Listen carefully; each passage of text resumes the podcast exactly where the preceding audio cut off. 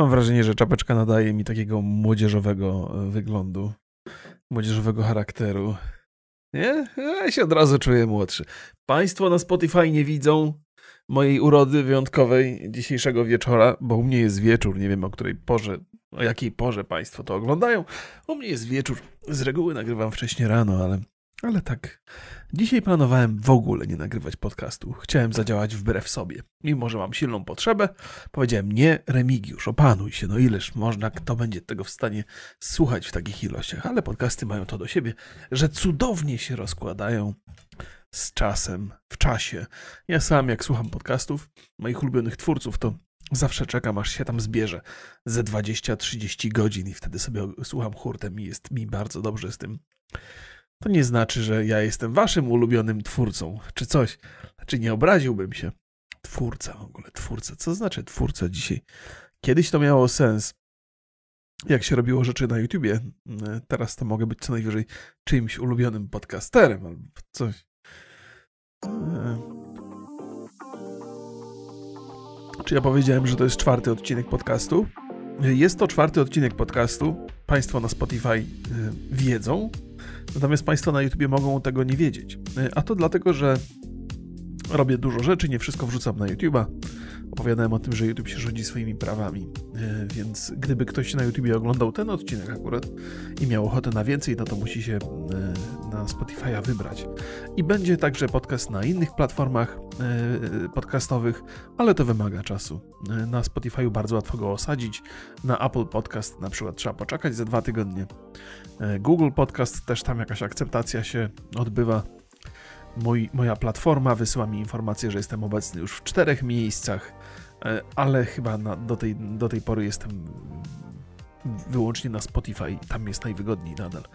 Proszę Państwa, dzisiaj będę czytał od Państwa listy, ale nie tylko. Ja mam oczywiście swoje historie, ale tym razem chciałbym nie zapomnieć o E, o listach. Właściwie nie zapomnieć. Chciałbym dobrze określić e, czas, jaki będę spędzał z Państwem tutaj na swoim swawolnym gadulstwie, tak żeby zostawić odpowiednią ilość czasu na przeczytanie wiadomości od Państwa, bo one są wartościowe.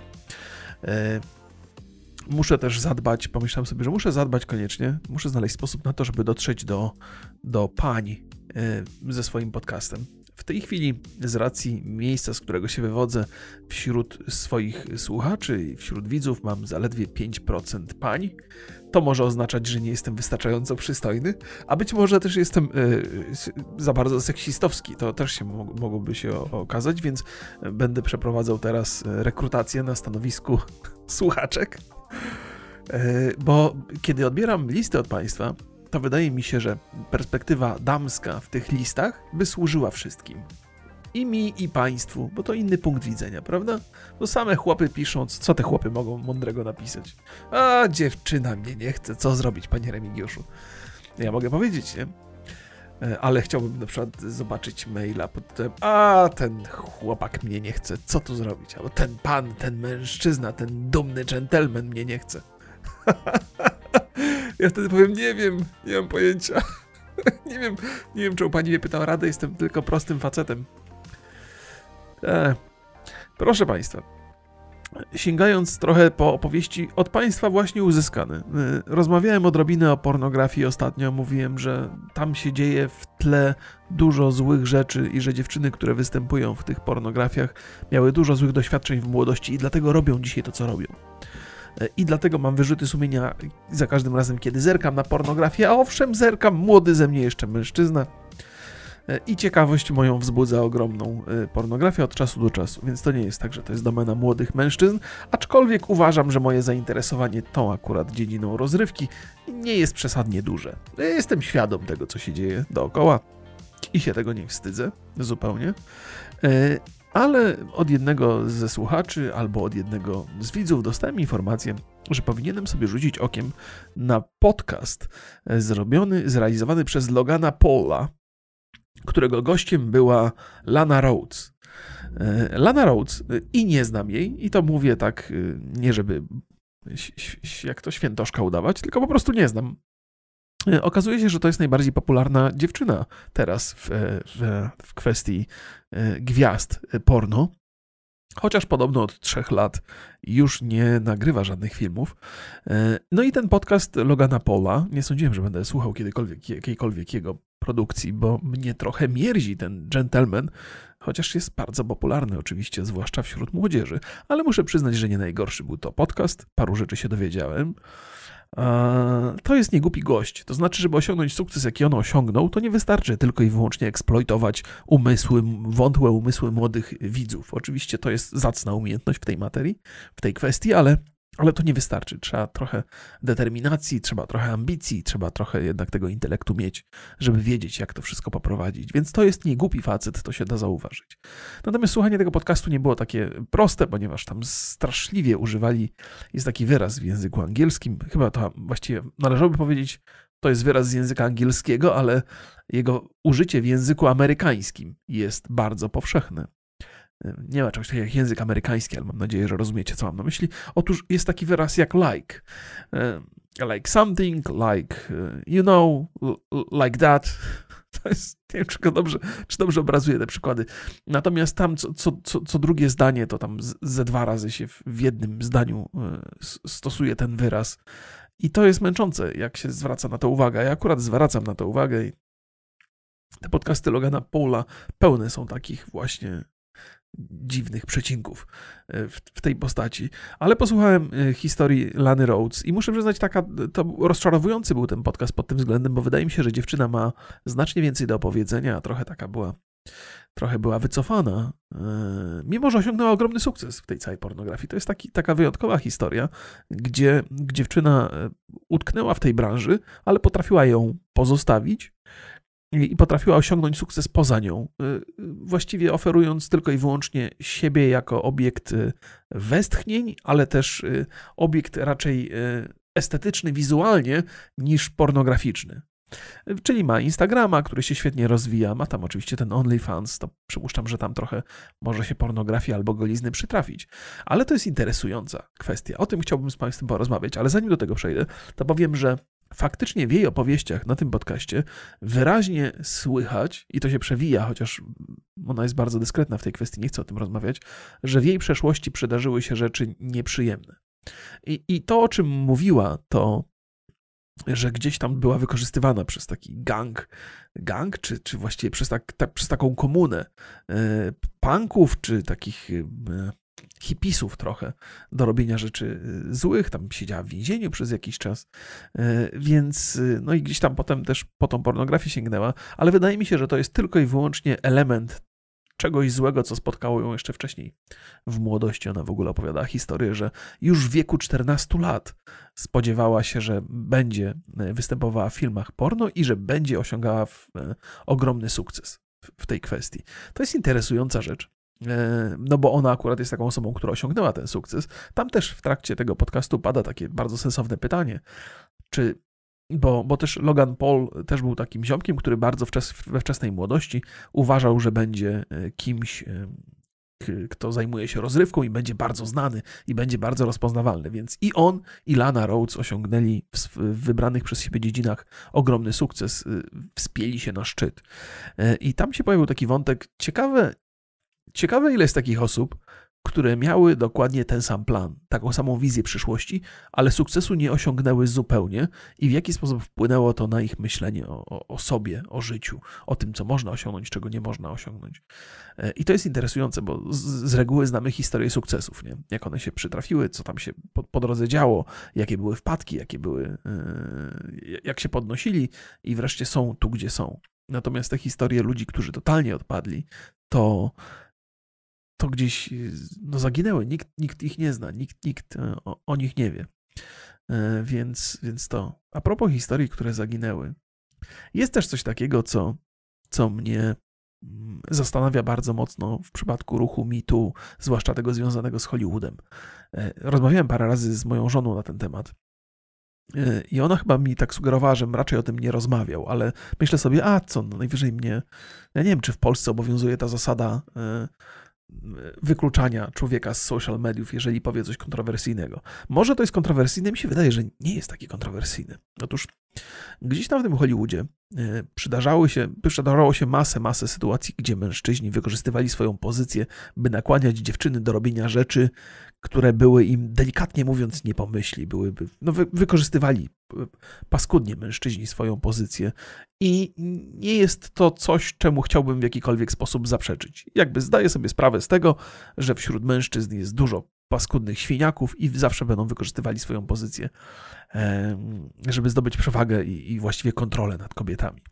E, oczywiście gdzieś tam z tyłu głowy mam też takie myślenie, ciekawe, czy to jest właściwie coś się z czego bierze. Czy po prostu wszyscy faceci gdzieś w głębi duszy tacy są i za każdym razem jak zajmą ważną pozycję, to będą ją wykorzystywali? Czy być może jest tak, że tylko mężczyźni, którzy mają takie skłonności do wykorzystywania swojej siły, osiągają taką wysoką pozycję. I dlatego gdzieś na tych szczytach, na tych ważnych, kluczowych stanowiskach jest bardzo dużo takich sytuacji, w których e, kobiety są, są wykorzystywane w ten sposób. Ale też cały czas myślę sobie gdzieś tam, że do licha ciężkiego tym kobietom bardzo zależało na, na, na, na, rozwinięciu kariery, miały ambicje aktorskie i to jest ważne oczywiście, że, że to jest, są ludzie, którzy są gotowi poświęcić wszystko, żeby coś osiągnąć i, no i czasami życie im stawia przeszkody niezwykle trudne, ale, ale potrafią się zawziąć i, i jakby mimo tych przeszkód pójść dalej. To jest ważne, nawet jeżeli po drodze są faceci, którzy są kompletnymi świniami, to nie jest tak, że te dziewczyny, godząc się na pewne, bo to jakby gdzieś tam w pewnym etapie, na pewnym etapie jest taki moment, że no dobra, no co mam zrobić? Nie przejdę dalej, jeżeli się nie, z tym świniakiem nie prześpię na przykład, nie? A zależy mi na, to jest tak, bo można krytykować za to, że no dziewczyny uległy w końcu gdzieś tam prędzej czy później z własnej, z, włas, z własnej woli, ale to jest, no, no, masz jakiś cel, chcesz coś osiągnąć i nagle odkrywasz, że to jest, że to jest próg, który trzeba przekroczyć, to jest próg, który trzeba przejść, więc ja, ja nie szkaluję tych kobiet za to, że nawet jeżeli gdzieś tam po drodze przytrafił im się wolny wybór, który dokonały gdzieś w tej materii, w życiu bym tego nie robił, to jest, nadal uważam, że są ofiarami tych świniaków, nie? Więc tu jest, mam nadzieję, wszystko jasne, niezależnie od tego, jak, jak nieumiejętnie o tym opowiadam. Natomiast wydaje mi się, że gdzieś tam po drodze jest też garść kobiet, które doszły do tego progu i powiedziały nie. I powiedziały nie, piernicze, nie zależy mi na tej karierze, e, rezygnuję z tego. I one zniknęły w ogóle, nigdy żeśmy się o nich nie dowiedzieli.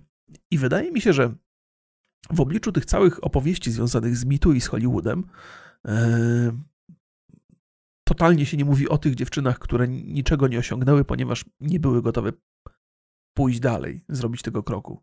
Nie? Po, czyli poddać się tej władzy ty, tych facetów. A to są historie, które chciałbym poznać. Znaczy, chciałbym poznać historię dziewczyny, która mówi: No, byłam w Hollywoodzie w tych latach yy, i był ten tam ha Harvey, on się tam nazywał, już to nie pamiętam, może i dobrze. Weinstein. Ale powiedziałam mu nie. I dzisiaj właściwie no, niczego nie robię w filmach, ale nie żałuję. Nie? I że to ja jestem prawdziwą bohaterką na przykład. Nie? To, to jest ciekawy, ciekawy punkt widzenia w ogóle. Nie wiem, czy Państwo się przyglądali tej sprawie z, z, tej perspektywy. Nie wiem, czemu mi to przyszło do głowy teraz. O czymś innym zupełnie miałem opowiadać. O rzeczach zupełnie y, y, bardziej przyziemnych i y, odrobinę bardziej przyjemnych. No więc to jest taki temat kontrowersyjny. Mam nadzieję, że mnie nikt nie skasuje z moich własnych social mediów. Nie? Nie? No. Może nie dzisiaj, ale za 10 lat na pewno. To jest w ogóle ciekawa specyfika tego tego cancel culture. Jak to się mówi? Cancel chyba, nie? Po, po angielsku. Cancel culture. Że e, ludzie dostają po dupie nie za to, co mówią dzisiaj bardzo często, ale za to, co powiedzieli 10 lat temu, gdzie świat był zupełnie inny, poczucie humoru było zupełnie inne, żarty, które były wypowiadane, były rozumiane inaczej, wybaczano inne rzeczy. I tak sobie myślę, Chryste, no nawet jeżeli ludzie 10 lat temu mówili rzeczy niewłaściwe, to wtedy było to pewną przyjętą normą. I nawet jeżeli ktoś przekraczał granicę, by dojść do tej bariery, która wtedy obowiązywała, no to jednak mógł to robić z różnych powodów. Na przykład, żeby wzbudzić kontrowersję. To, co wtedy było kontrowersją, dzisiaj to już jest potworna tragedia, nie? I bardzo źle świadczy o człowieku, ale wcale to, to, to jest tak, to jest, pewne rzeczy nie powinny działać wstecz. Prawo nie powinno działać wstecz, chociaż oczywiście wszystko ma swoje granice. Jeżeli ktoś dokonał jakiegoś, jakiejś zbrodni 10 lat temu, no to powinien, nie? Ale jeżeli zasady obowiązujące w tamtym świecie były określone, no to dzisiaj trudno dopasowywać, no trudno wymagać od ludzi żyjących 10, 20, 30 lat temu, żeby zachowywali się wobec dzisiaj, znaczy, żeby się zachowywali zgodnie z zasadami dzisiejszymi. dzisiejszymi.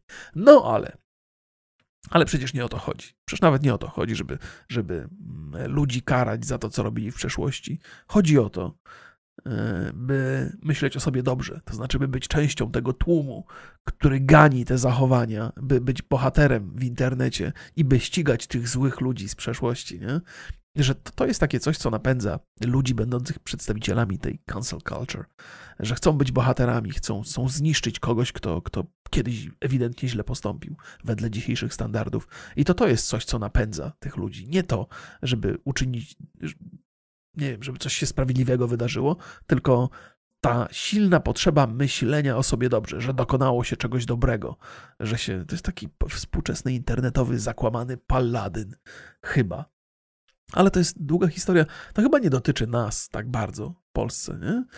Y, to nie, nie zdarzają się takie sytuacje za bardzo, chociaż wydaje mi się, że słyszałem ostatnio albo czytałem gdzieś, y, albo ktoś mi opowiadał. Jest taki, taki e, polski piosenkarz, młody, on się Dawid Kwiatkowski nazywa, dobrze pamiętam? I on chyba się przebrał za Indianina podczas jednego z programów i strasznie go ktoś tam skrytykował, że to biały człowiek w stroju Indianina, to, że to w ogóle nie wypada i że gdzieś tam był atakowany z tej perspektywy.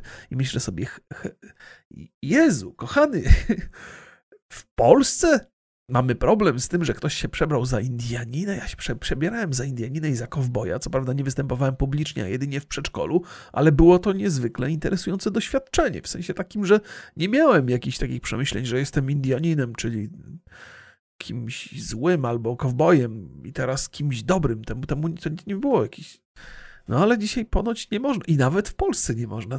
Co to ma wspólnego z naszą kulturą? Czy my żeśmy na przestrzeni dziejów wyeliminowali jakąś kulturę skutecznie z tych terenów polskich i dzisiaj nie wypadałoby, żebyśmy się przebierali, nie wiem, za górali może, ale no, no nie, nie za kasz, kasz wszyscy, nie wiem, jakoś te kultury się wymiksowały bez większych, bez większych problemów. No, ale powiecie zaraz, nie, nie sądzę, żebyście powiedzieli.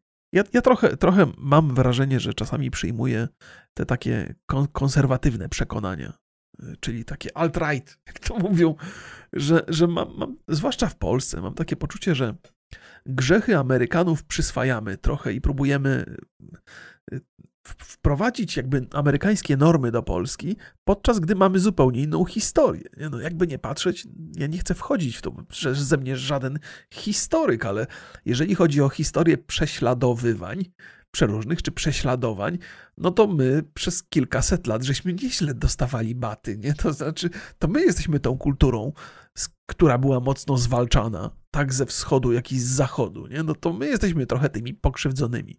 To nie znaczy, że żeśmy okropnych rzeczy nie robili, my jako naród. Oczywiście, żeśmy robili, każdy ma swoje grzechy, niewątpliwie, ale w obliczu całej tej historii, która odbywała się przez ostatnie kilkaset lat, to powiedziałbym, że no, byliśmy tak dosyć mocno pod butem e, różnych narodów i nie mamy się za bardzo co nie mamy, co, nie mamy po co sięgać po kulturę amerykańską i przyswajać grzechy Amerykanów i teraz rozliczać, próbować rozliczać Polaków z grzechów amerykańskich. Nie? Właśnie na tym to polega, że ten cały Dawid Kwiatkowski, o ile dobrze go pamiętam, ktoś próbował go rozliczać z amerykańskich grzechów. No na miłość boską, no wszystko ma swoje granice. Nie? Ja powinienem, proszę Państwa, ubrać pióropusz dzisiaj w ramach. Nie sądziłem, że na ten temat przejdziemy. W ogóle wszystko zaczęło się od tej, od tej pornografii. A, do czego zmierzam gdzieś tam po drodze od, od, tej, od tej Lany Rhodes? Ponieważ jej kariera jest dosyć interesująca.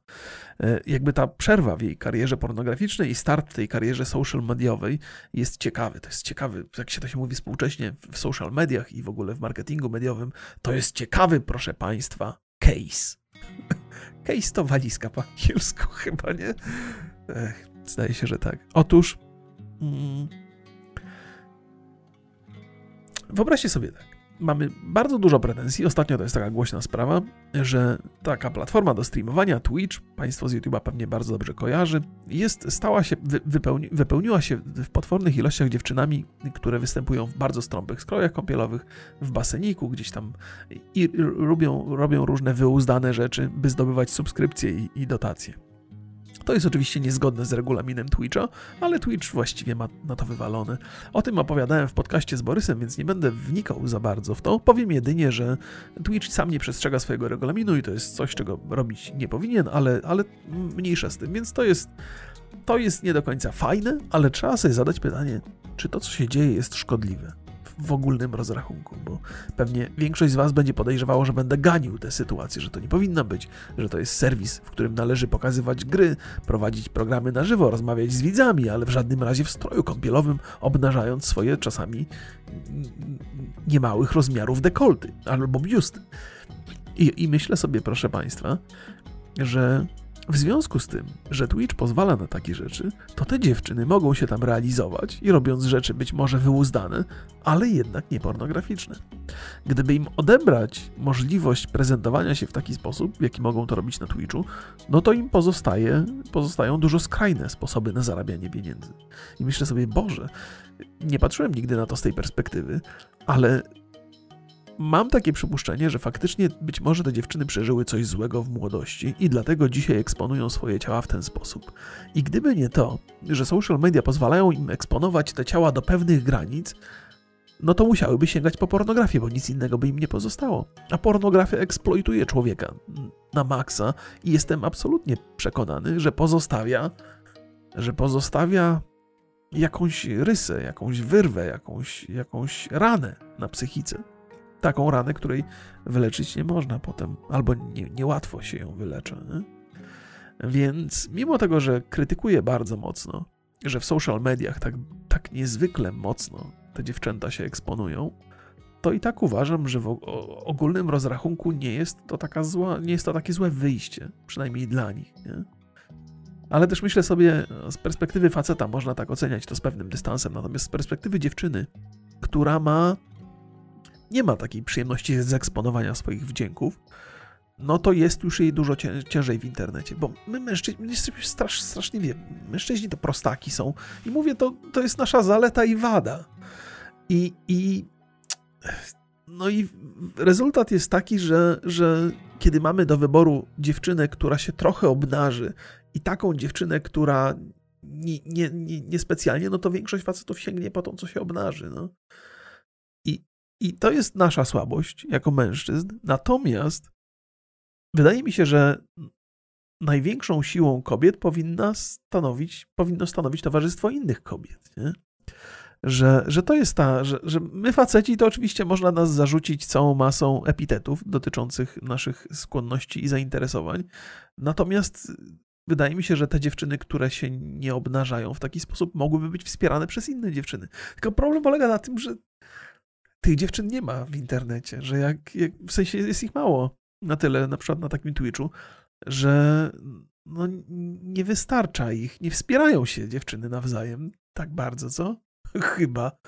To jest w ogóle rozległy problem. Kiedyś e, w, słyszałem takie rozmowy na temat sportów. Czy to był jakiś kanał sportu? Nie, znaczy, nie był to polski kanał sportowy, to był chyba jakiś taki podcast e, dotyczący sportu. Wybaczcie, że nie potrafię tak skierować was bezpośrednio do miejsc, do których się odnoszę, ale z taką trochę dumą muszę przyznać, że słucham tego wszystkiego i czytam tak niezwykle dużo, że trochę mi się to miesza, a nie robię sobie na, na bieżąco notatek, bo nigdy nie wiem, o czym będę chciał opowiedzieć. E, I gdyby się zastanowić, to w takim, no mężczyzn, jakby proporcje między ilością mężczyzn i kobiet wypadają na korzyść kobiet. Kobiet jest więcej.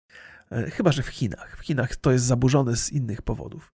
E, I kiedy przychodzi do, do, do sportów męskich i sportów kobiecych, to, to sporty męskie są oglądane w zatrważająco w zatrważającej przewadze. To znaczy, ko kobiety nie oglądają sportów kobiecych. Czyli można by powiedzieć, że nie wspierają kobiet. I, i to jest tak, no kurde, można winić mężczyzn o to, że, że zainteresowanie sportami kobiecymi nie jest wystarczająco duże, ale czy do końca to jest wina mężczyzn? To jest chyba bardziej wina, wina kobiet, że nie wspierają się nawzajem w tej, w tej materii. No może. Sam nie wiem, do czego ja zmierzam w tej. To dzisiaj mam absolutną pustkę w głowie. Wydaje mi się, że obrałem nie najgorszy kierunek i się trzymałem tej, tej Lany Rhodes, co jest nie najgorszym pomysłem, y, ale, ale gdzieś błądzę. Ale mam nadzieję, że, że, że nawet jeżeli nie wskażę wam bezpośrednio, co ja myślę w tej sprawie, to być może porusza jakieś wasze wewnętrzne przemyślenia w tej kwestii. Że w idealnym świecie sporty męskie i sporty kobiece, mężczyźni sportowcy i, i kobiety sportsmenki. Y, o w ogóle fajne, fajna, fajna odmiana, sportsmenki, nie? To, czy, to, czy to jest źle? Bo teraz jest dużo takich reżyserka, prawniczka i tak dalej. Teraz to staje się powszechne w języku polskim i absolutnie mi to nie przeszkadza, ale sportsmenka to, sportsmenka to taki ładniejszy jest wyraz. Bo sportsmen to się nie mówi, mówi się sportowiec i sportsmenka, nie? Czy to też jest trochę mm, de, de, deprecjonujące? Nie wiem. E, no, no, że. No, ale no, no więc, więc sporty kobiece oglądają się odrobinę mniej, y, ale może inne rzeczy kobiece oglądają się bardziej. Hmm. No, ale rezultat jest taki, że mężczyźni sportowcy zarabiają dużo więcej. Tak też z aktorami. Z aktorami była taka, taka afera, że aktorki zarabiają mniej. No, aktorki zarabiają mniej. Może dlatego, że faceci, którzy rządzą w Hollywoodzie, to świnie, ale może też dlatego, że filmy, w których główną e, rolę e, ma kobieta, nie oglądają się tak bardzo, ponieważ mężczyźni na te filmy nie chodzą, a kobiety. A kobiety i tak chodzi mniej akurat na, na przykład na filmie sensacyjnym, nie? Przyjmijmy coś tak, taki scenariusz, że w filmie, ale dzisiaj dużo pewnie mówię głupot, nie? No ale to moja ignorancja, zapowiedziałem Państwu na początku, że tu będzie dużo ignorancji, za, za co przepraszam. Gdzieś tam w tej całej mojej opowieści próbuję dojść do sensu, a nie przekazać sens, nie? To jest taki mój proces niekoniecznie sensownego myślenia. Więc, no właśnie, kiedy mamy film sensacyjny, gdzie główny bohater ma rozstawiać swoich przeciwników po kątach, to kiedy jest to facet tym bohaterem, to można być pewnym, że mężczyźni w 100% pójdą i ten film obejrzą. Natomiast jeżeli jest kobieta, to część mężczyzn straci zainteresowanie. I nie wynika to z jakiegoś seksizmu czy szowinizmu, tylko z tego, że część widzów lubi wczuć się w postać kobiecą.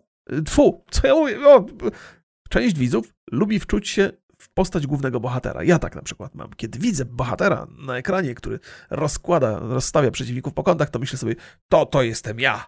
To mógł, ja mógłbym taki być, ale ja bym im pokazał, jakbym był na miejscu tego. No tak właśnie robi dokładnie to, co ja bym chciał zrobić. Więc kiedy kobieta zastąpi tego głównego bohatera, no to siłą rzeczy ja nie mam takiego nie jestem w stanie się wczuć tak bardzo w tą postać. Nie mogę sobie siebie wyobrazić w roli kobiety, która obija mężczyzn, czy tam inne kobiety. No, no nie. To jest, więc ten jakiś tam procent widzów odpada. No i w takiej sytuacji gdyby, gdyby, gdyby rzeczywistość działała w sposób taki bardzo logiczny, no to, no to kobiety znajdują większe zainteresowanie taką postacią kobiecą i uzupełniają te braki męskie w kinach. Natomiast kiedy mówimy o filmie sensacyjnym, w którym coś się dzieje, no to zainteresowanie kobiet jest odrobinę mniejsze tym filmem sensacyjnym, no bo kobiety się mniej interesują tym, jak ktoś kogoś bije po mordzie albo do kogoś strzela. No więc dlatego filmy z udziałem aktorek w takich rolach zarabiają trochę mniej i siłą rzeczy te aktorki zarabiają trochę mniej. Tak sobie to tłumaczę. Czy to jest, czy to jest prawda? Nie wiem. Czy to jest logiczne? Owszem, jest to logiczne, ale nie musi być to prawda. Eee, tak, zacząłem, zacząłem swoją opowieść od tego, że potrzebuję więcej kobiet wśród widzów. Chyba, chyba sobie nie ułatwiłem tego osiągnięcia tego celu tymi opowieściami. Czy jak, czy jak mówię takie rzeczy, to panie czują się urażone? W sensie, że po pierwsze nie mam racji, po drugie y, gadam głupoty, po trzecie y, to jest seksizm przeze mnie przemawia? Czy to są te takie trzy punkty, które, które paniom wydają się najbardziej trafne i opisują dobrze moje spostrzeżenia dzisiaj? To byłoby przykre, ale no niestety, jeżeli takie są, takie są pań y, wrażenia, no to pewnie mają rację. No. Nie, nie będę starał się, znaczy mógłbym powiedzieć, postaram się poprawić, ale ale niestety mam taki umysł, jaki mam, i on mnie pewnie ogranicza w znakomitym stopniu, więc, y, więc poza to nie wyskoczę. To co? Może trochę luźniej, luźniej troszkę yy, wypadałoby. Opowiem Państwu, ja bardzo lubię gotować. To mnie strasznie odpręża, dużo mi przyjemności sprawia. Lubię gotować dla swojej rodziny. E, lubię się dzielić rzeczami, które przygotowałem dla siebie. Jako, że ja jem e, trochę inaczej, bo nie jem w ogóle węglowodanów, natomiast daję z reguły więcej tłuszczów sobie, to, to moja rodzina nie zawsze chętnie sięga po te rzeczy. No bo moja żona jada węglowodany, mój syn jada węglowodany. Jeżeli węglowodany po, po, połączy się z dużą ilością tłuszczów, to nie, nie do końca to jest dobry miks. Nie? Węglowodany bez tłuszczów chyba są całkiem znośne, chociaż bywają lepsze rzeczy. E, tłuszcze bez węglowodanów też są całkiem znośne. Mądrzejsi ludzie niż ja to udowodnili, więc nie będę w to wnikał. E, ale dzisiaj Państwu mm, przygotowałem przepis bardzo prostą potrawę, którą uskuteczniam od długiego czasu, natomiast ostatnio odkryłem ją właśnie w kompozycji z węglowodanami i to może być dosyć dużo kalorii, chociaż wiele od Państwa zależy, e, jak to skomponujecie, co Wam dzisiaj opowiem. E, I z reguły jadłem bez węglowodanów, ale wyszło pysznie po prostu. Do mojej potrawy, którą zazwyczaj robię, do, moja żona dodała ryż to się nazywa basmati czy albo basmanti. Nie wiem dokładnie jak to się wymawia. Ja tylko potrafię gotować, nie wiem jak to się nazywa. Znaczy potrafię gotować, to też za dużo powiedziane, ale, ale lubię, uwielbiam i czasami naprawdę coś dobrego z tego wyjdzie. Eee, ryż, więc, więc ten ryż i w połączeniu z zdaniem, och, jakie naprawdę jedna z lepszych rzeczy, jaką przygotowałem. Gdyby karano za to, że się robi smaczne rzeczy, to za tą potrawę dostałbym dożywocie. Ha, proszę Państwa, proszę pań drogich, które jeszcze zostały po tym moim rancie seksistowskim. Proszę Państwa, składników jest zaledwie 6. Jest super łatwe do zrobienia. I naprawdę to, to są takie potrawy, które dobrze wyglądają, łatwo się je robi, ładnie pachną i można zaimponować swojej partnerce bądź swojemu partnerowi w bardzo prosty sposób i ciężko tam coś przypalić. Więc pierwsza rzecz, którą Państwu polecam, to boczek. Przyjmijmy, że przy, tych, przy tym daniu przyjmiemy sobie, że 100 gram boczku Państwo wrzucą na patelnię, najlepiej pokrojonego w kostkę. Trzeba go trochę przysmażyć, żeby wypuścił odrobinę tłuszczu. Przepraszam, jeżeli będę przełykał ciężko, bo samą myśl o tym, aż mi się chce jeść, a co dopiero może Państwu się chcieć. Postaram się te, te, te przynajmniej na YouTubie postaram się w opisie zamieścić te, proporcje wszystkie. Więc 100 gram boczku, przysmażamy go trochę, ale nie tak super bardzo, nie musi być od razu cały tłuszcz wytopiony. Jak już troszkę się go wytopi, dodajemy do tego kurczaka. 400 gramów pokrojonego w kostkę, taką, takie centymetrowe paseczki albo, albo, no, albo w kostkę po prostu. Takie nie muszą być przesadnie duże, no takie centymetrowe. No zresztą, proszę Państwa, każdy lubi inaczej.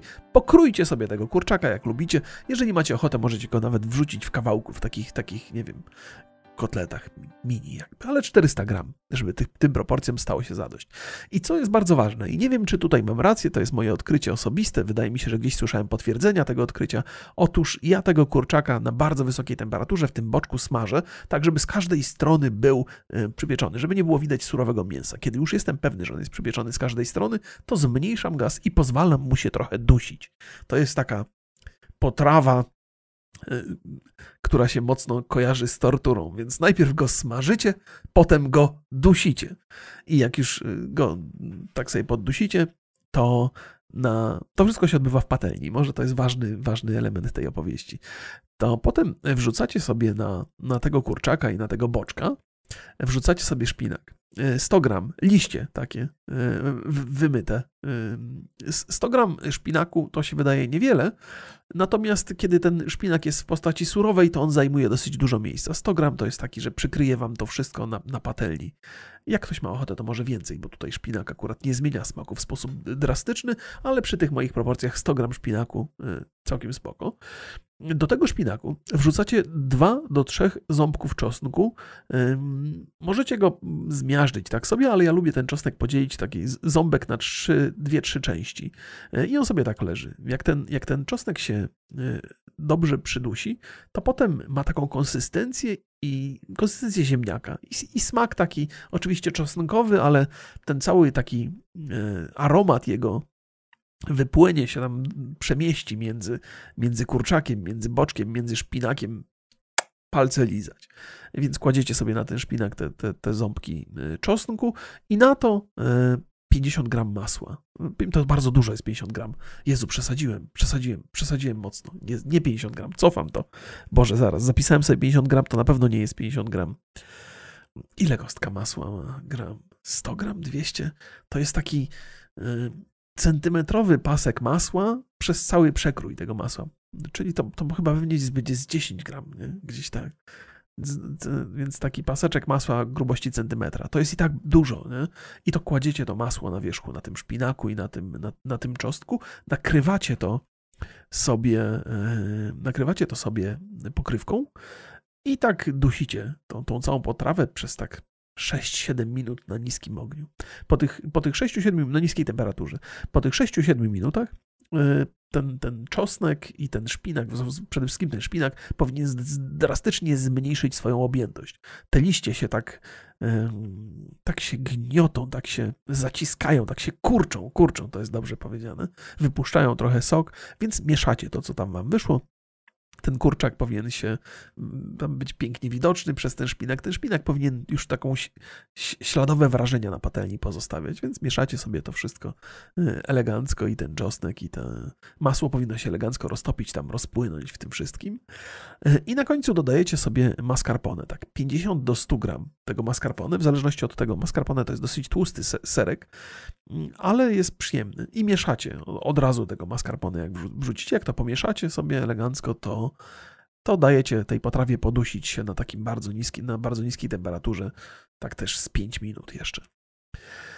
I teraz tak, to co zrobicie, oczywiście do tego jeszcze dodajecie sól. Sól w zależności od tego, jak bardzo lubicie słone rzeczy. Możecie mniej, możecie, możecie bardziej. Ten sos można skosztować na bieżąco, więc sobie do, dopasujecie tak jak chcecie. To jest sól, to jest jedyna rzecz, jak, jak, jaka dodaję, jedyna przyprawa taka. O ile to się mieści w ogóle w kategorii przypraw. I to już jest do zjedzenia dla kogoś, kto chyba jest y, na keto na przykład, albo nie je węglowodanów. I to jest bardzo dobre, to jest przyjemne. To, to jest y, takie zacne, niezwykle sympatyczne danie.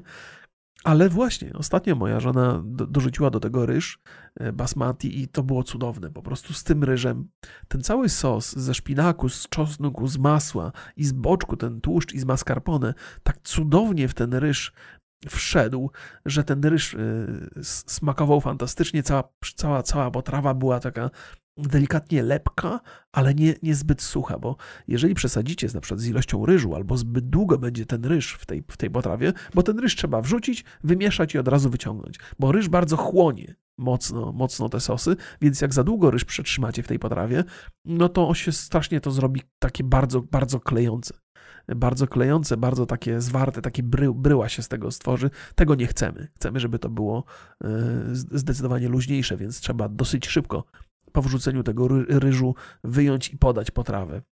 Jak się okaże, że, że się robi rzecz za gęsta, można sobie trochę wody do tego dorzucić.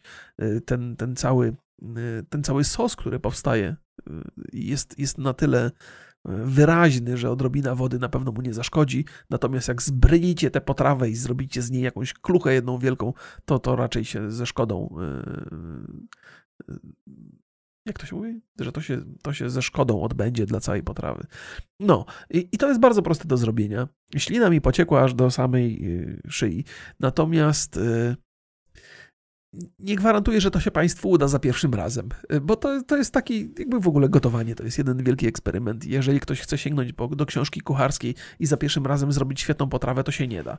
Dobre potrawy wychodzą za szóstym, siódmym razem. Te pierwsze razy to są eksperymenty, ale nie, nie, nie ma sensu się poddawać, warto, warto, warto robić rzeczy, bo potem człowiek jest zadowolony. A dobre rzeczy mm, robi się czasami niezwykle łatwo. To nie są skomplikowane, nie, nie są skomplikowane historie.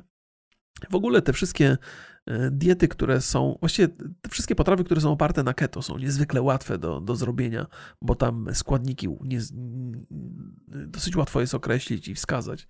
W ogóle ja e, opowiadając o swojej diecie raczej nie mówię, że jestem na keto. Ja nie, nie lubię sobie zakładać takiego kagańca czy, czy homonta, o którym wspominałem ostatnio. Nie lubię, więc e, Dużo rzeczy, które jem, to są właśnie takie bezpośrednio pochodzące z keto, ale nie przywiązuję się do tego. Wiem, że na keto trzeba być mocno zdyscyplinowanym, ale ja lubię czasami, czasami oderwać. Jak moja żona dodała ryż do tej potrawy, to zjadłem. Czasami zjem pierogi jakieś, yy, tak, czyli takie rzeczy, które mają trochę węglowodanów, chociaż pierogi z mięsem, więc to nie jest aż takie krytyczne. Yy, nie lubię być niewolnikiem diety.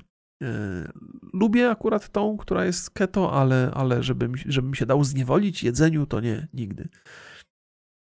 Czy ja mam jeszcze trochę czasu, żeby Państwu powiedzieć? W ogóle keto to jest takie, takie słowo klucz, które w internecie niestety otwiera wiele złych dróg.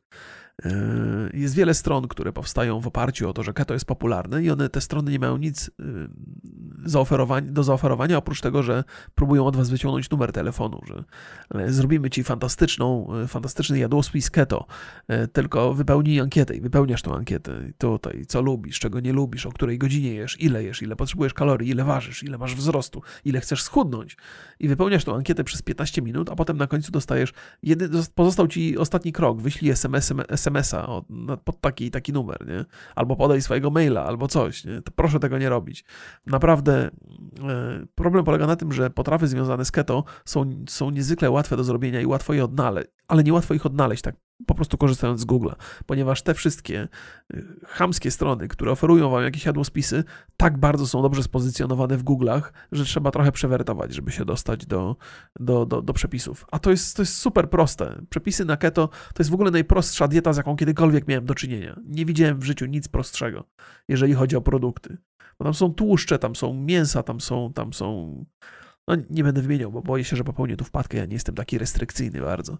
Więc e, no, ale, ale to też nie jestem orędownikiem, nie jestem tutaj apostołem keto. Proszę mnie tak nie, nie traktować. Ja mam luźne podejście do jedzenia. Staram się oczywiście chudnąć, co mi się udaje ostatnio, ale jestem daleki od dyscyplinowania siebie. Dyscyplina powoduje, że jesteśmy trochę niewolnikami. E, a ja nie lubię być niewolnikiem, lubię mieć poczucie swobody. Kiedy, kiedy robię coś dlatego, że uważam, że to jest słuszne, Y, to, to się dużo lepiej bawię niż kiedy robię coś dlatego, że uważam, że jest to konieczne. Na przykład. Nie? Więc nawet jeżeli przestrzegam diety restrykcyjnie, to dlatego cały czas próbuję sobie taki zbudować mechanizm psychologiczny, że robię to dlatego, że, że lubię i czasami potrzebuję sobie udowodnić, że nie zostałem zniewolony przez tą teorię i sięgnę po jakieś no, przesadzone ilości węglowodanów co jest może błędem w ostatecznym rozrachunku, ale robię to niezwykle rzadko. Swoją drogą bardzo bym zjadł coś słodkiego. Mówiłem o tym na początku? Miałem o tym wspomnieć na początku, ale mi ta gwiazda porno e, się tu pojawiła i chyba zmieniłem wątek. Mam ochotę, bardzo mam ochotę ostatnio zjeść coś słodkiego, a nie jadłem nic takiego słodkiego chyba z pół roku albo nawet i dłużej. I zaczynam się zastanawiać, czy to nie jest tak, że korzystając z tych takich słodzików przeróżnych, czy trochę mój organizm nie zaczyna szaleć, że na przykład piję herbatę, którą sobie posłodziłem etrytolem, erytrytolem, dostarczam, mój mózg myśli, o, o, uwaga, mój język mówi do mózgu, uwaga chłopaki, idzie coś słodkiego, będzie impreza, szykujcie się, nie? Ja biorę łyk, faktycznie słodkie, Spływa to do. W ogóle co to za herbata? Jakaś taki dziwny ma smak. Jakaś ziołowa chyba sobie zrobiłem. Spływa to na dół i czekają na dole na imprezę i mówią, co jest? Gdzie te cukry? Jakaś ściema, nie? I walą, kurde, łyżkami czy tam, nie wiem, tamburynami o, o ścianki żołądka i w ogóle mam takie poczucie, że im, im, im mniej tego cukru jem, właściwie w ogóle unikając cukru, że od czasu do czasu do, dopada mnie jakiś taki bezrozumne pragnienie zjedzenia czegoś słodkiego. I jak daję mojej córce na przykład czekoladę, to kroję jej na takie drobne kawałki. Jak się pokroi komuś czekoladę na drobne kawałki, to można jej dać mniej, bo pozostaje wrażenie, że się często po nią sięga, więc takie sztuczki. I patrzę na to i mówię, no kurde, no nie, no nie zjadam, nie zjadam tego, ale, ale, ale odczuwam fizyczny ból, nie? I mówię, dobra, kurde, mol. Z jednej strony jestem dumny, że nie ulegam, w ogóle nie mam, nie mam takiej to nie jest jakaś walka, ale z drugiej strony myślę sobie, Chryste, czy to ja, czy ja się właśnie, czy, to, czy, czy ja się nie wprowadziłem w jakiś stan z, zniewolenia, że nawet nie odczuwam tego, pokusy nie odczuwam? Odczuwam bóle i zapotrzebowanie na coś słodkiego, ale jak już mam czekoladę przed sobą, to nie odczuwam tej pokusy i to może jest jakiś taki psychologiczny blok, który na siebie założyłem. Trzeba uważać. Trzeba uważać, jaki poziom automanipul automanipulacji się na sobie prowadzi, nie? Bo, bo to jest tak, że teoretycznie, kiedy sami sobą manipulujemy, no to raczej nie zostaniemy nigdy niewolnikiem, nie? Ale może jednak, może najgorszy, może najgorszy sposób zniewolenia to jest taki, który stosujemy sami wobec siebie. Ach, jak głęboko. Pośród tych różnych szowinistycznych i seksistowskich głupot, które wypowiadałem wcześniej, yy, trafiła się zacna myśl chyba po drodze. Tak, proszę Państwa, w 44 minucie to jest odpowiednia minuta, jak pisał Adam Mickiewicz, a imię jego 44, a ja mam akurat 44 lata. To wszystko po prostu, wszystko teraz zagrało razem. To co, proszę Państwa? Korespondencja. Oczywiście mówię, że opowiadałem głupoty, żeby się zabezpieczyć, nie? Żeby, że jeżeli faktycznie mówiłem głupoty, to, to przynajmniej mam podkładkę. Ej, proszę Państwa, zanim jeszcze o tym opowiem, kurde, jakie dobre wiadomości dotarły dla fanów Marvela ostatnio. Wiecie, Marvel, te, te filmy, co się tam kosmiczni bohaterowie, super bohaterowie latają i strzelają się i jest to fajne dla ludzi, którzy lubią tanią rozrywkę. Ja taki jestem. Dostaliśmy informację, że nadchodzą premiery filmów y, Marvela. Nowy w ogóle to jest nowa odsłona tego. Więc uwaga, przeczytam Państwu, co, czego możemy się spodziewać. Na pewno żeście to widzieli, ale, ale też jestem podjarany, więc muszę o tym powiedzieć, bo, bo, bo, no, no bo czemu nie? 8 lipca Czarna Wdowa na Disney Plus i w kinach. Eee, Shang-Chi i Legenda Dziesięciu Pierścieni 3 września 2021 roku. Eternal z 5 listopada 2021 roku, ale nas, ale nam robią dobrze po prostu, po prostu, ach, ach. Spider-Man No Way Home 17 grudnia, miesiąc po miesiącu, wrzesień, listopad, grudzień, to, to nie jest miesiąc po miesiącu. E, ale blisko. No, tak, ale, ale czuję, jak to po prostu się zbliża, zbliżają się doznania. Doctor Strange in the Multiverse of Madness 25 marca 2022. Thor Love and Thunder 6 maja 2022. Jakie mają plany po prostu? I uwaga, na końcu chyba największy hicior tej opowieści. Czarna Pantera Wakanda Forever 8 lipca 2022 roku. Więc mamy, mamy zarezerwowane te rzeczy. Ale to chyba jeszcze nie koniec, bo uwaga, The Marvels. Kapitan Marvel 2 to teraz The Marvels się nazywa i to jest 11 listopada 2022. Przepraszam. I Ant-Man and the Wasp Quantumania. 17 luty 2023 do 2023. A to jeszcze nie wszystko. Boże, Boże, chyba zaraz coś we mnie pęknie. Strażnicy Galaktyki 3. 5 maja 2023. I to jeszcze nie koniec. Fantastyczna czwórka. 28 lipca 2023. A? A? No będzie co oglądać. Ciekawe, czy uda mi się zrealizować te wszystkie plany. Jak z tą kwarantanną? Czy się zaszczepimy i wszyscy będą zdrowi, czy się zaszczepimy i wszyscy umrzemy? Co? Jakie są Państwa predestynacje w tej. Mogę tak powiedzieć? Predestynacje? Przewidywania? Czy to jest predestynacja? Czy to źle zapamiętałem znaczenie tego wyrazu? To nie jest y, wyraz, którego, który w moim potocznym języku się przytrafia, więc mogę się pomylić. Proszę mnie skorygować, jeżeli Państwo będziecie mieli okazję listy od państwa. I a propos pań, które tutaj przysyłają listy, bo się okazuje, że przysyłują pani Aga. O, nie będę czytał, przepraszam, to, to mam no nie, to pani Aga, to pani, pani Ag jest sporo, więc ja nie chciałem tutaj zdradzać. Obiecuję, nie będę zdradzał personaliów w żadnym razie. Ale tak akurat spojrzałem. Więc e, pani Aga napisała list bardzo ładnie, to jest podzielony na akapity, nie jest specjalnie długi, więc mogę z czystym sumieniem czytać. Hej, Mam mało przyjemne doświadczenia z pisania do osób, które obserwuję, słucham. Jakoś tak się zawsze składało, że przy bliższym kontakcie okazywały się niezbyt skłonne do dialogu. Pani Ago, to jest celna uwaga, ja też jestem niezbyt skłonny do dialogu w bliskim kontakcie. Ja unikam bliskiego kontaktu. Moja żona mówi, że mam trochę Aspergera, i myślę sobie, że trochę mam. Ja jestem mało kontaktową osobą, samotność jest dla mnie opcją, a nie przerażającą perspektywą. W sensie mam bardzo dobrze życie ułożone. Ale w sensie wolę być sam niż być z ludźmi. Chyba, że na przykład tymi ludźmi jest moja żona i moje dzieci, to wtedy oni są super, nie? Ale generalnie e, nie mam zamiłowania do bliskich kontaktów, ale proszę, nie bierzcie tego, nie, znaczy nie wykorzystujcie tego przeciwko mnie. E, nasza relacja, ta bezpieczna tutaj, e, mikrofon i wasze uszy jest mi bardzo bliska i bardzo droga. I pani Aga pisze dalej, ale kto nie ryzykuje, nie zyskuje. No, nie wiem, pani Aga, co pani chce tu zyskać. Ja to tylko odpowiem z przyjemnością, jeżeli ma pani jakieś pytania. Bardzo dobrze się Ciebie słucha. No, dziękuję.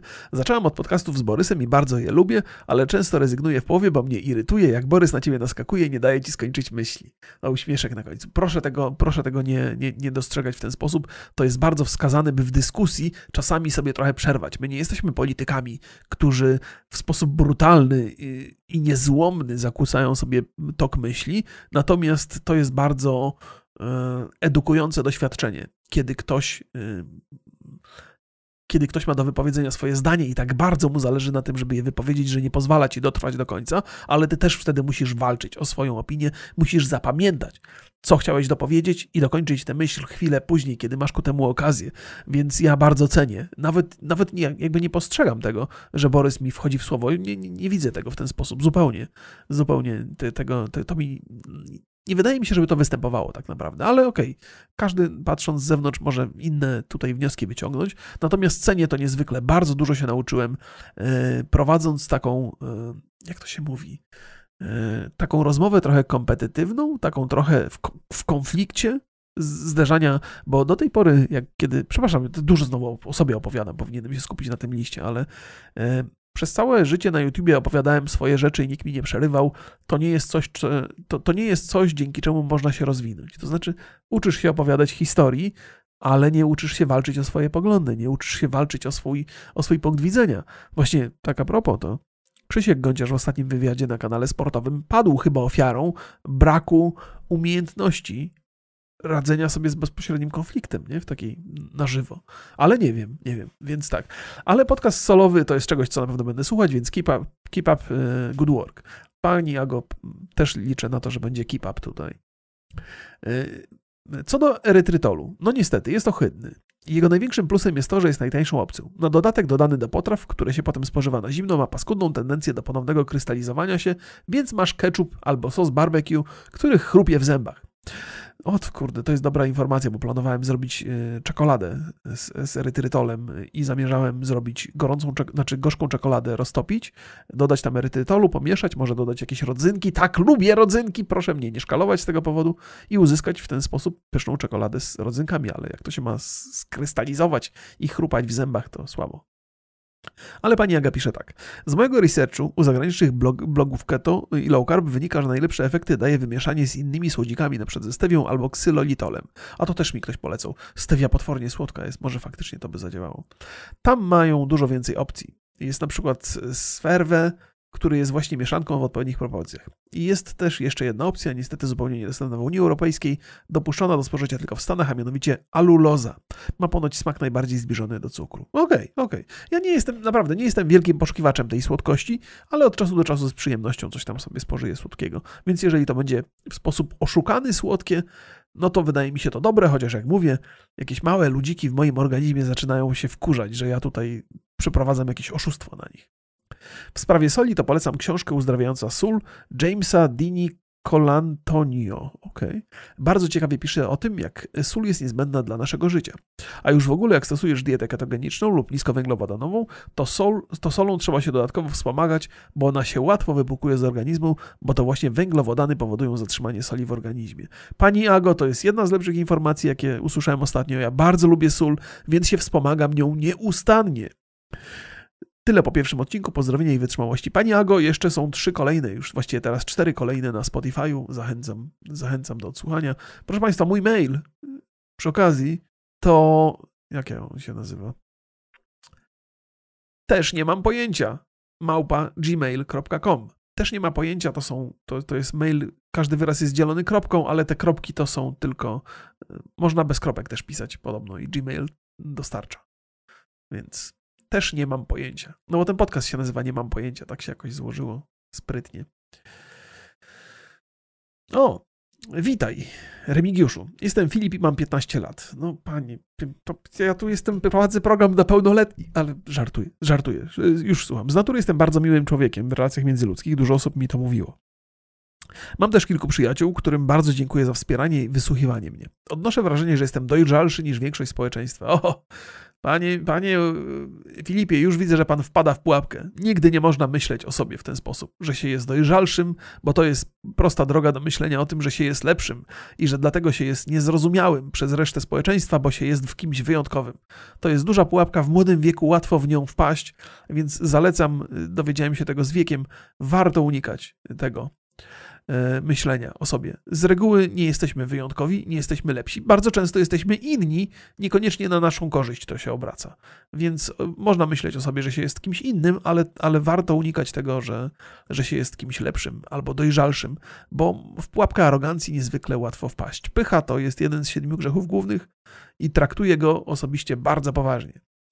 Przykładowo, bardzo dużo razy podczas lekcji zdalnych już nudziło i irytowało mnie dziecinne zachowanie moich kolegów z klasy, ale zauważyłem, że sam tak się zachowałem ale dwa lata temu. Mam problem z obcowaniem ze społeczeństwem. No właśnie, to samo dotyczy kolegów. To, to jest. Ja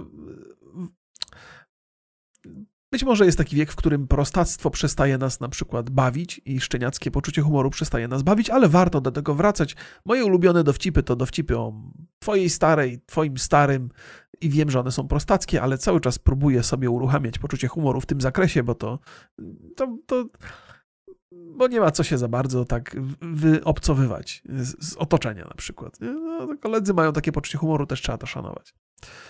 To, to jest tak, jakby dostrzegam tutaj pewną prawidłowość, y, swoje, swoją inność zaczynasz postrzegać jako prze, przewagę nad, nad, nad, nad innymi ludźmi. Może nie chciałeś tego tak napisać, może tego tak nie, nie widzisz, nie? Ale możesz wpaść w tę pułapkę. Mam problemy z obcowaniem ze społeczeństwem. Często jest tak, że boję się zrobić zwykłe rzeczy w przestrzeni publicznej, przy czym się stresuję. Przykładowo nie byłem w stanie spytać losowego człowieka o drogę. Przypadki były takie, że będąc w domu mojego szwagra, siedząc przy stole, bałem się spytać, gdzie jest łazienka. Wiedziałem, że ludzie mieszkający w tym domu nie są jakoś źle w stosunku do mnie nastawieni, tylko po prostu bałem się to zrobić. To jest, wiesz co, Dobra, przeczytam dalej. Zauważyłem też, że wcześniej, około 1-2 lata temu, byłem bardziej nieśmiały, a teraz trochę to znika, jednak dalej mam momenty, w których nie wiem, co robić i podświadomość nie pozwala mi tego zrobić. Wspomnieni wcześniej koledzy ma, nie mają na przykład tego problemu i bez problemu potrafią spytać nauczyciela o jakąś głupotę. Nie chcę też za bardzo przesadzać z moim problemem, bo potrafię pójść do sklepu lub chodzić do, po mieście. Tylko czasami w bardzo szczególnych sytuacjach e, tak jest. Co o tym myślisz? Okej, okay. E, więc nie powinieneś się tym przejmować. To jest, jak sam zauważyłeś, to trochę mija i to minie z wiekiem. Niektórzy tak mają. Pewnie są jakieś sztuczki, żeby sobie z tym radzić, ale ja nie jestem ani psychologiem, ani coachem jakimś pieprzonym, więc powiem ci jedynie, że miałem podobne doświadczenia w młodości i one minęły. Czasami są rzeczy, które nas ograniczają, i warto sobie w ramach tych rzeczy poszukać e, jakichś plusów. Na przykład, ja miałem tak, że nieprzesadnie lubiłem się wypowiadać w, w, w otoczeniu ludzi, E, bo wzbudzało to moją nieśmiałość i rezult... właściwie tak, moja nieśmiałość powodowała, powodowała, że kiedy się wypowiadałem publicznie, to mówiłem raczej głupoty e, albo jakieś takie nieposkładane myśli, gdzieś gubiłem się, nie miało zupełnie sensu, więc ostatecznie wolałem milczeć, ale uznałem, że skoro milczę, to być może zacznę słuchać. I to jest cenna umiejętność, słuchanie, więc to, że coś cię ogranicza i czegoś nie jesteś w stanie robić, to jedynie oznacza, że w innych kwestiach możesz gdzieś coś osiągnąć dodatkowego, nie? Bo jeżeli jest takie powiedzenie chyba nawet, że najwięcej można usłyszeć wtedy, kiedy się nic nie mówi. To nie wiem, czy dobrze, to jakaś parafraza zupełnie niedoskonała. E, więc e, zwróć uwagę na swoje słabości e, i, i być może w jakiś sposób je wykorzystaj. Nie? nie zastanawiaj się nad tym, co tu teraz powiedzieć, żeby zaistnieć w otoczeniu, tylko czego się możesz dowiedzieć o ludziach. Nie chodzi mi o to, żeby prowadzić jakąś taką szpiegowską obserwację i zapisywać sobie, co tam, analizować ludzi, żeby potem wykorzystać to przeciwko nim albo by nimi manipulować, ale, ale uczysz się tego, co ludzie lubią o sobie mówić, nie? w jaki sposób ludzie lubią, bo ludzie lubią o sobie opowiadać historię. To jest w ogóle fantastyczny klucz, który, który sam stosuję bardzo często, jako że ja wbrew temu, co robię w internecie, nie do końca w, w otoczeniu lubię o sobie opowiadać, to nauczyłem się zadawać takie pytania, by, by to ludzie chcieli o sobie opowiadać. Jeżeli się kogoś posłucha, to łatwo jego zainteresowania mniej więcej zrozumieć i zapytać na przykład, skąd się wzięły te zainteresowania, albo co.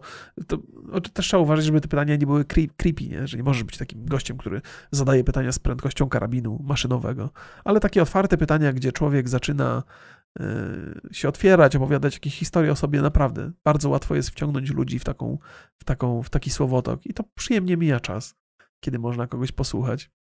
Oczywiście to też niezwykle jest irytujące, kiedy my sami mamy coś do powiedzenia i na przykład przyjaciel albo kolega nie daje nam dojść do głosu, ale w takich sytuacjach, kiedy sam na przykład nie do końca chcesz się odzywać, to jest fantastyczna okazja, żeby posłuchać ludzi. Więc chciałem powiedzieć, że nie powinieneś się tym przejmować. Po pierwsze, to minie z czasem. Niektórym to mija wcześniej, innym to mija później, y, ale no, zobacz, co możesz w ramach tych ograniczeń zrobić innego, czego, czego normalnie byś nie mógł. Nauka słuchania jest, to jest taka rzecz, która mi przychodzi do głowy, to jest to, to, to co sam, y, to, co mi się przytrafiło, nie? Że, że, że mogłem posłuchać ludzi trochę. Dzięki temu. Eee, dobrze. Eee, co my tu mamy? Eee, dobrze, niech, niech będzie. Cieszy mnie możliwość interakcji z Tobą, choć nigdy takiej chęci nie przejawiałem. Chciałbym w tym liście wypytać Cię o zdanie w jednym temacie, gdyż zbieranie informacji dziś od różnych ludzi to ważna rzecz, więc właśnie nadarzyła się wspaniała okazja. O Ty, cwaniaku, chcesz mnie wykorzystać. No dobrze. Zadam pytanie które czytałeś lub słyszałeś wiele razy, jaka rzecz lub cecha albo ich zbiór, stosunek do życia sprawia, że zaczynamy podejmować słuszne decyzje. To dla mnie ważne, bo jestem w dość młodym wieku, a nikt mi tego nie powiedział. Owszem, są stereotypy, społeczne archetypy, coachowie, porady z plakatów i innych ludzi sukcesu, ale w głębi siebie nie czuję, że to najlepsza droga. Okej. Okay.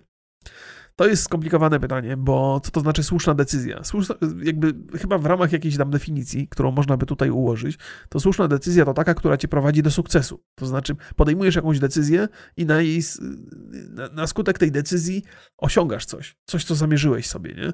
Więc to, to jest coś, co definiuje słuszną decyzję. Natomiast mm, sukces, czyli osiągnięcie jakiegoś celu, to nie zawsze wynika z tego, że podjąłeś słuszną decyzję, obierając jakąś drogę, tylko wynika z tego, że byłeś bardzo zdeterminowany, żeby to osiągnąć. Nie? Czyli na przykład mogą być dwie osoby. Jedna chce być youtuberem i druga chce być youtuberem. I ob, o, obie te osoby podejmują tę decyzję. Zostanę youtuberem. Jedna odnosi sukces, bo była bardzo zdeterminowana i może powiedzieć, to była słuszna decyzja, podjąłem słuszną decyzję. Natomiast druga nie odnosi sukcesu, bo na przykład nie ma odpowiedniego zakresu umiejętności, albo nie była ostatecznie zdeterminowana, więc nie odniosła sukcesu, więc może mówić, no to nie była słuszna decyzja. Więc słuszna decyzja to jest coś bardzo, bardzo indywidualnego. E, I po pierwsze, to jest coś, co pasuje do ciebie. Po drugie, na to wpływa siła determinacji, którą posiadasz. Nie? Więc nie ma uniwersalnego, uniwers, uniwersalnej decyzji, znaczy uniwersalnej definicji tego. Ona jest bardzo indywidualna. W każdym, w każdym indywidualnym przypadku się sprawdza inaczej. E, niestety dziś jest trudniej o tym, e, o tym podobne informacje. Ludzie są przesiągnięci narcyzmem i egoizmem. No to narcyzm i egoizm to jest, to jest cecha każdego youtubera, więc pozdrawiam bardzo serdecznie. Nie sądzę, żeby mi akurat brakowało tych negatywnych cech też je posiadam. Ale to jest to, to pytanie, które zadałeś, no nie, nie da się na nie odpowiedzieć, bo właśnie mam wrażenie, że, że takiej coachowskiej recepty szukasz. Ja, ja, nie jestem coachem, więc y, jeżeli ktoś ci powie, że, że jest jakaś prosta droga do celu, to znaczy, że cię okłamał, nie? Że to nieprawda. to, to nieprawda, ale dobrze, zobaczmy. Ludzie są czasami do bólu nierozsądni, z drugiej zaś strony mogą być wyschniętymi wrakami korporacji i za grosz nie widzę zdrowego balansu, jakiejś równowagi, więc pewnie można to skrócić do kultowego pytania, jak żyć. Okej. Okay. No widzisz, to też, też jest, to są, to są pewne stereotypy, nie? Że, że jeżeli pójdziesz drogą korporacji, to jesteś rozsądny, a z drugiej strony, jak pójdziesz inną, to jesteś nierozsądny. Jakby dostrzegam, to jest tak, że e, to wszystko jest bardzo, bardzo indywidualne. Są ludzie, którzy się odnajdą w korporacji, będą się w stanie wkomponować w ten system, który tam obowiązuje, będą się w nim w miarę dobrze czuli i przy jego użyciu osiągną bardzo dużo.